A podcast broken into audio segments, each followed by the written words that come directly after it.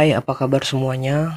Mungkin beberapa dari kita sedang mengalami masalah-masalah yang di luar ekspektasi kita gitu, seperti masalah-masalah percintaan, pertemanan, keluarga, pekerjaan, hingga masalah-masalah tugas kuliah yang sudah menumpuk dan deadline-nya semakin menyempit gitu.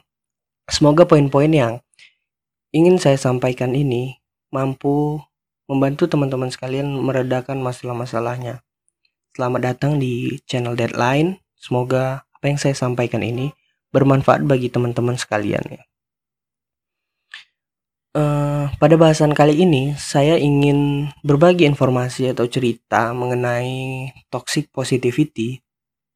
Hmm, sering kali ketika kita ingin curhat kepada teman atau kenalan yang kita anggap bisa untuk teman curhat kita tetapi mereka membalasnya dengan kata-kata yang bersifat positif seperti jangan menyerah atau banyak sih orang yang lebih menderita dari posisi kamu ini gitu. Terkadang kata-kata ini mampu untuk membuat kita keluar dari masalah, tetapi sebagian lagi ada yang tidak bisa menerima kata-kata ini dan membuat mereka semakin down gitu.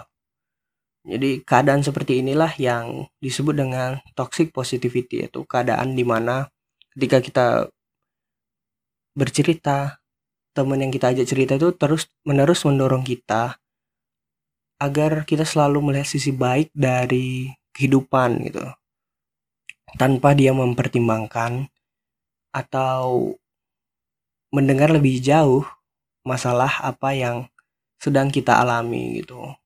Sebelum kita meluapkan emosi-emosi kita tadi gitu.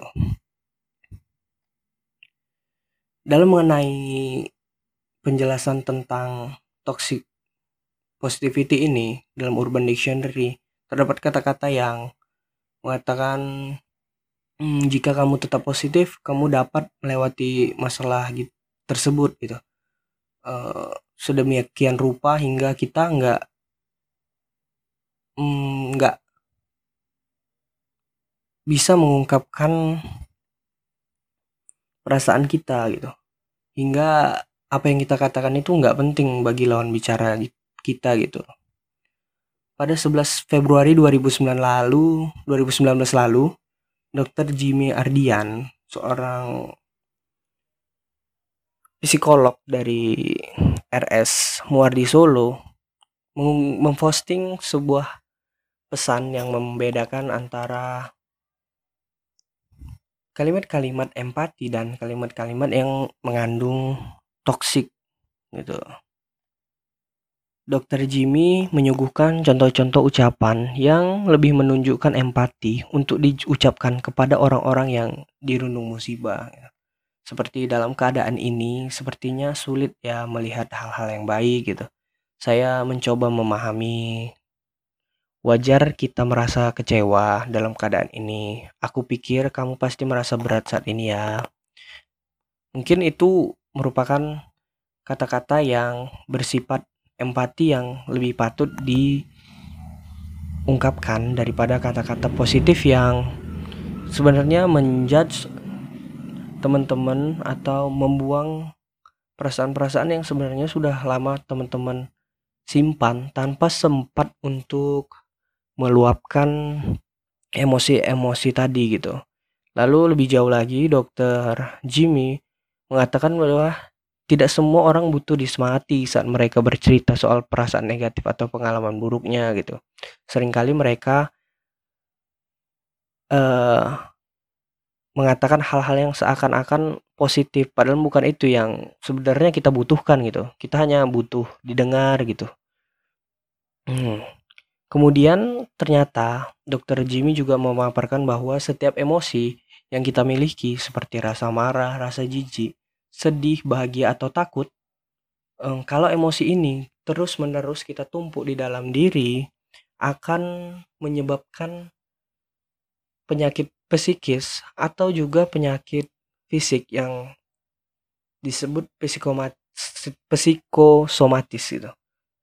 penyakit penyakit-penyakit seperti itu disebabkan oleh keadaan menumpuk perasaan-perasaan negatif kita gitu. Kalau semakin lama juga akan semakin parah gitu. Ternyata mengutip dari Tirto, di sini kita melihat ada ternyata ada sisi gelap dari ujaran positif gitu. Berarti ujaran positif itu tidak selalu ber bermakna positif juga terhadap lawan bicara kita. Mungkin dapat bersifat negatif juga gitu. Kemudian hmm, mengutip dari Newsweek seorang profesor psikologi dari Bowdoin College Amerika Serikat Barbara Health menyatakan bahwa toleransi rendah terhadap orang-orang yang susah tersenyum atau tak bisa melihat sisi baik dari suatu peristiwa buruk ada dalam budaya kita. Tidak jarang orang-orang yang berduka diharapkan masyarakat untuk segera pulih keadaan emosionalnya, tapi sebenarnya uh, yang ditembelkan kepada mereka ini justru menyusahkan gitu. Orang yang kurang bisa melihat sisi positif disuruh untuk segera bangkit dan mengenyampingkan sikap-sikap negatif yang ada gitu pikiran pikiran-pikiran negatif maksudnya yang ada.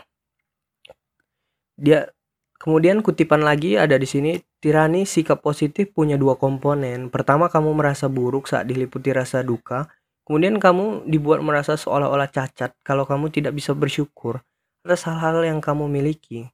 Melanjutkan hidup atau fokus pada hal positif, tambah health katanya. Kemudian diperkuat dengan survei dari Susan David terhadap 70.000 responden, Susan David ini merupakan seorang psikolog dari Harvard Medical School dan seorang penulis dari buku Emotional Agility.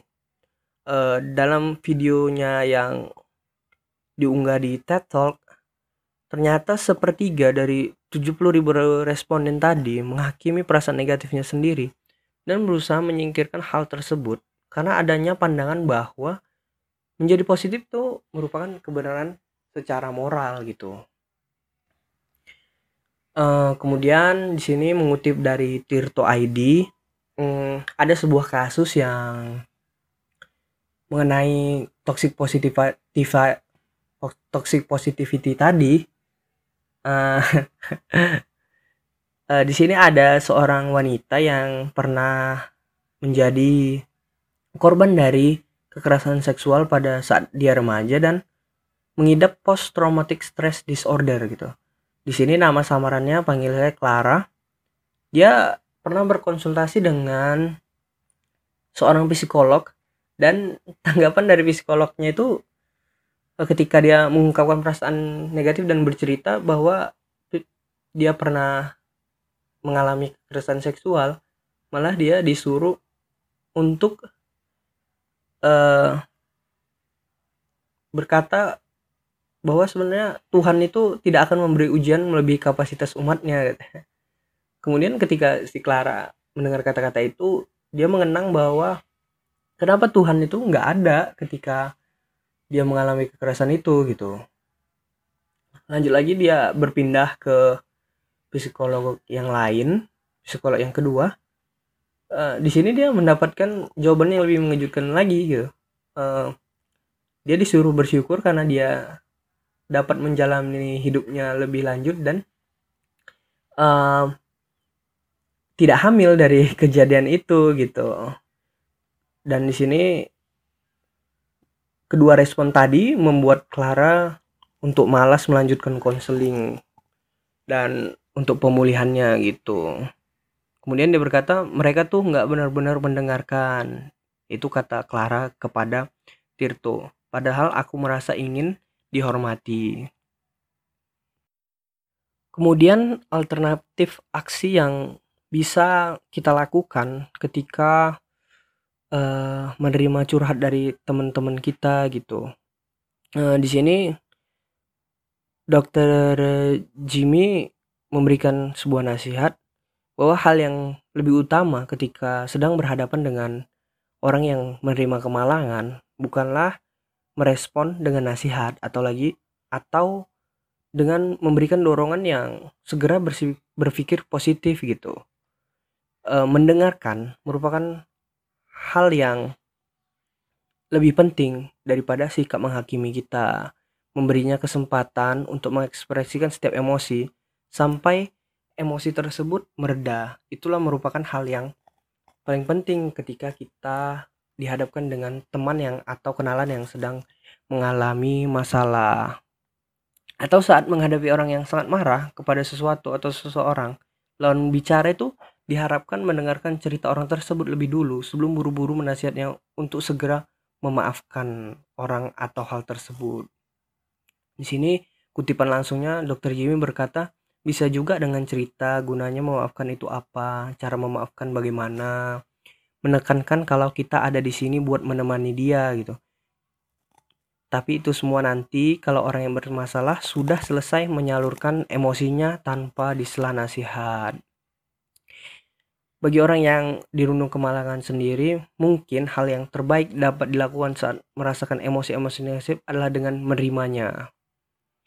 Uh, kata Susan David, ternyata emosi negatif itu natural. Berarti semua orang itu ternyata memiliki emosi negatif dan emosi negatif itu harusnya dikeluarkan tanpa ada yang perlu dipendam atau disimpan terlalu lama gitu. Uh, di sini juga ada kutipan hanya dengan mengakui dan membiarkannya ada tanpa buru-buru ditimpa sikap positif semu gitu. Uh, jadi orang-orang itu harus dibiarkan dulu untuk meluapkan emosinya. Setelah itu baru boleh kita memberikan kalimat yang mungkin tidak menghakimi atau memberikan dorongan segera menjadi positif. Uh, tetapi dengan mm, dorongan yang uh, seperti menemani dan menerima mereka akan sikap-sikap negatif tadi itu. Seseorang mampu bersikap jujur menghadapi realitas gitu ketika dia uh, disuruh untuk mengeluarkan semua sikap-sikap negatifnya tadi.